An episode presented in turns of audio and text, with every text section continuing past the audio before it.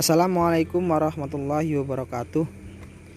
Bismillah alhamdulillah ala nimatillah wala hawla wala quwata illa billah. Wassallallahu wassalamu ala sayyidina Muhammadin ibn Abdillah dil awsafil kamilah wa ala alihi wa sahbihi ajmina ma ba'dah. Selamat datang teman-teman santri di podcast Ruang Santri, podcast Faedah para pencari berkah. Pada kesempatan kali ini kita masuk ke episode keempat. Kita akan coba bahas mengenai top, sebuah topik seputar santri, seputar pondok pesantren.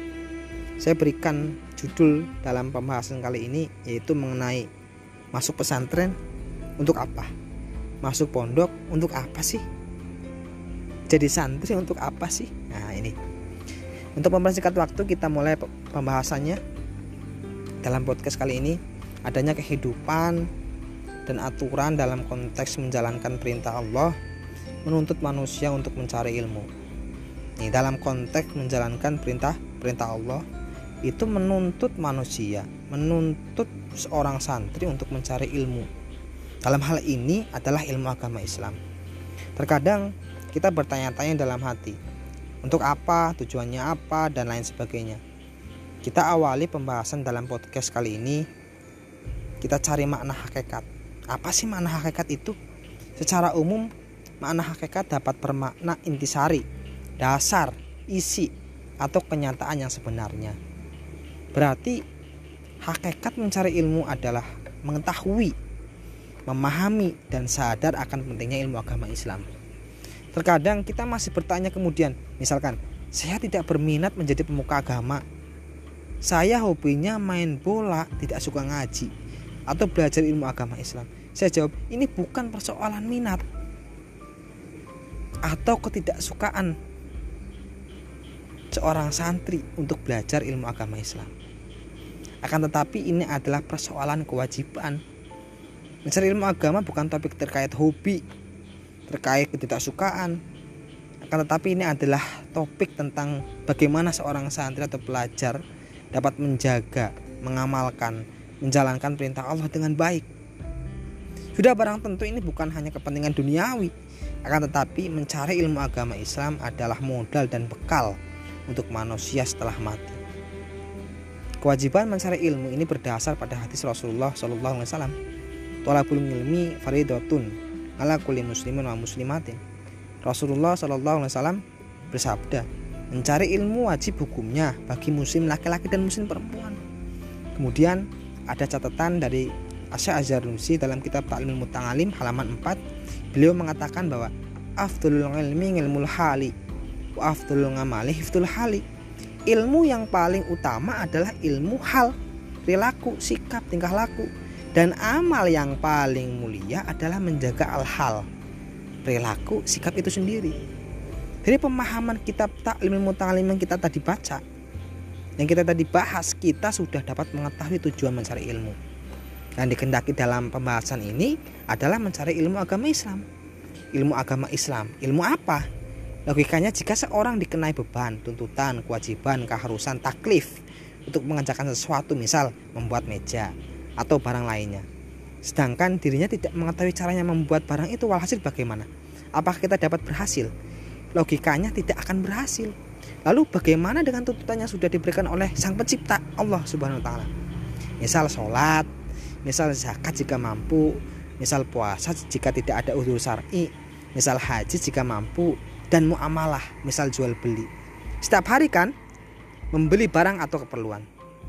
Ataupun amalia perbuatan yang berhubungan dengan halkul karimah misal sabar, tawakal, istiqomah, ifah, menjaga diri dari perkara haram, husnuzon, ikhlas dan lain sebagainya. Atau juga mengetahui sifat-sifat yang dilarang oleh agama. Misal hasud, dengki, sombong, bahil dan lain sebagainya. Sekian banyak contoh yang tadi kita yang tadi kita bahas, yang tadi kita bicarakan itu masih terhitung kecil dan sedikit. Masih banyak lainnya yang terkait hal-hal yang perlu diketahui.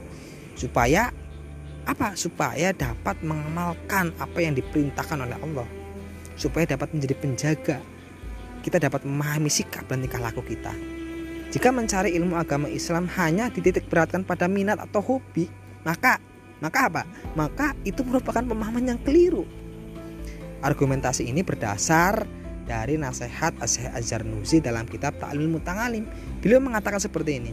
wa yuftaradu alal muslimi talabul ilmi ma yakunu fi halihi fi ay halin kana fa innahu la budda lahu minas sholati fa yuftaradu alaihi ilmu ma yakunu lahu fi sholatihi bi qadri ma yuaddi bihi faradus wa yajibu alaihi ilmu ma yakunu lahu bi qadri ma yuaddi bihi wajiba li anna ma yutawassalu bihi ila iqamatil fardi yakunu faradon wa ma yatawassalu bi ila iqamatil wajibi yakunu wajiban.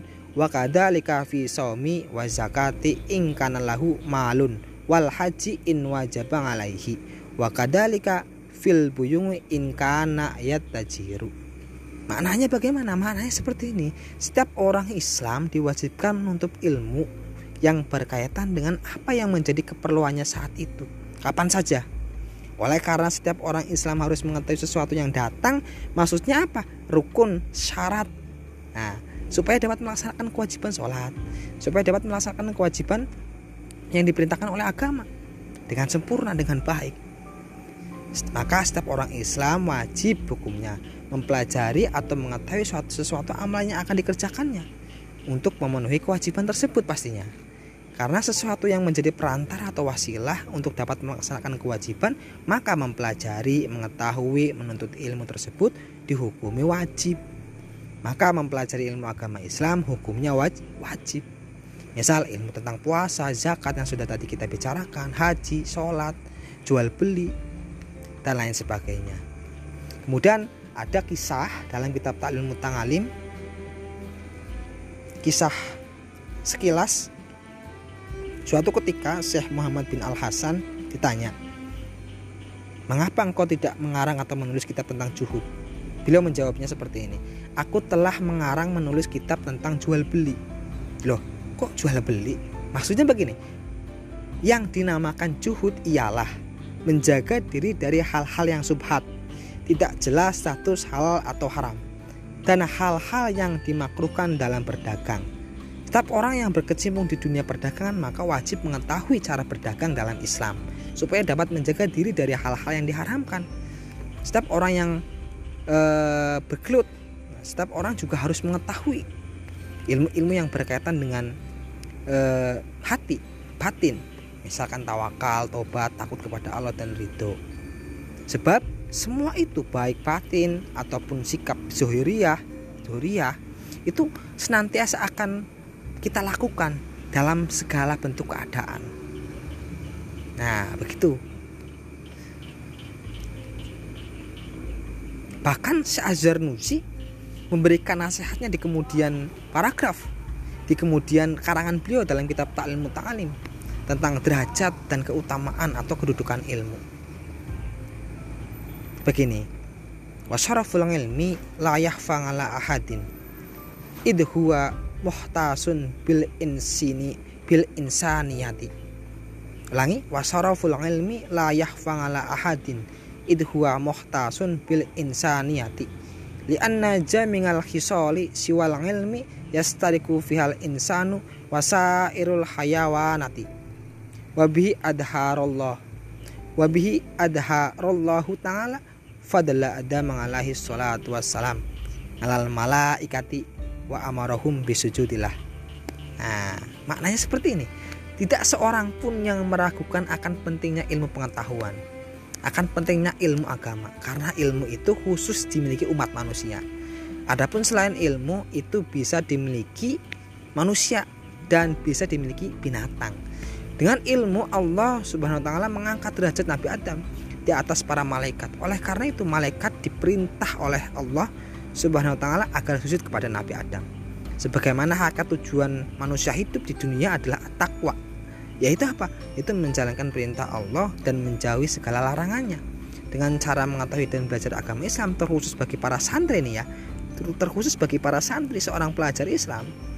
Nah, ini hukumnya wajib mempelajari ilmu-ilmu uh, tentang perintah Allah, ilmu fikih. Nah, untuk menjalankan uh, amalia-amalia kehidupan sehari-hari sebagaimana yang sudah diperintahkan oleh Allah Subhanahu wa taala. Kemudian dengan cara mengetahui dan belajar agama Islam terkhusus bagi para santri, ini nasihat ini juga disampaikan lagi oleh eh, apa namanya oleh Syekh Azharnusi dalam kitab Ta'lim Muta'alim masih dalam kitab Ta'lim Muta'alim ter apa lanjutan daripada eh, eh, dauhnya beliau di halaman 6 beliau mengatakan seperti ini tentang kemuliaan seorang santri, seorang pencari ilmu. Wa nama syaraful ilmi likonihi wasilatan ila taqwa allati yastahiku bihal karomata indallahi ta'ala wa sangadatal abadiyata kama kilali Muhammadin. Maknanya seperti ini, ilmu itu sangat penting karena itu sebagai wasilah, sarana penyambung untuk apa? Untuk takwa dengan takwa inilah manusia menerima kedudukan terhormat di sisi Allah dan keuntungan yang abadi dan keberuntungan yang abadi dalam sifat dan hakikatnya manusia. Seperti itu. Jadi tujuannya santri masuk pesantren itu sebenarnya adalah untuk kebaikan dirinya. Agar supaya apa? Agar supaya dapat menjalankan perintah Allah perintah Tuhan semesta, perintah pencipta dengan baik. Bukan kok malah punya etika dan keyakinan, oh saya jadi nanti jadi bunyai, oh saya tuh nanti jadi kiai, oh saya tuh nanti jadi jadi ulama tokoh tertentu. Bukan seperti itu. Pada hakikatnya seorang santri akan kembali akan kembali pada dirinya sendiri. Dia akan mengamalkan dia akan menjalani kehidupan di luar sana. Jadi apa? Jadi seorang santri masuk pesantren itu sebenarnya dia membu me, apa namanya tuh? E, dia harus memiliki rasa butuh, rasa ingin tahu, rasa ingin memiliki sesuatu yang dapat e, dapat e, dia rasakan.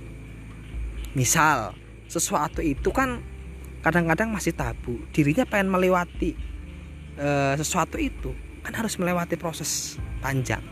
Yaitu apa? Yaitu ilmu. Misal kita masuk pesantren ya masuk pesantren. Dulu kita belum tahu ilmu sholat masuk pesantren. Kok orang sholat? Kok ada orang sholat? Nah di dalam sholat di situ ada berbagai ilmu tentang sholat. Kita pelajari itu kemudian kita sempurnakan sedikit demi sedikit. Nah, tujuannya seperti itu. Tujuannya bukan bukan klaim untuk jadi seseorang terpandang seseorang eh, atau meraih jabatan bukan. Akan tetapi akan kembali lagi kepada tiap-tiap individu dalam hal apa dalam hal menjalankan kehidupan dalam hal menjalankan perintah Allah dalam konteks agama is agama Islam. Lebih jauh lagi ke sana, santri dapat memberikan sebuah kontribusi. Nah, kontribusi pengabdian baik kepada agama, masyarakat, bangsa atau negara. Jadi masuk pesantren untuk apa?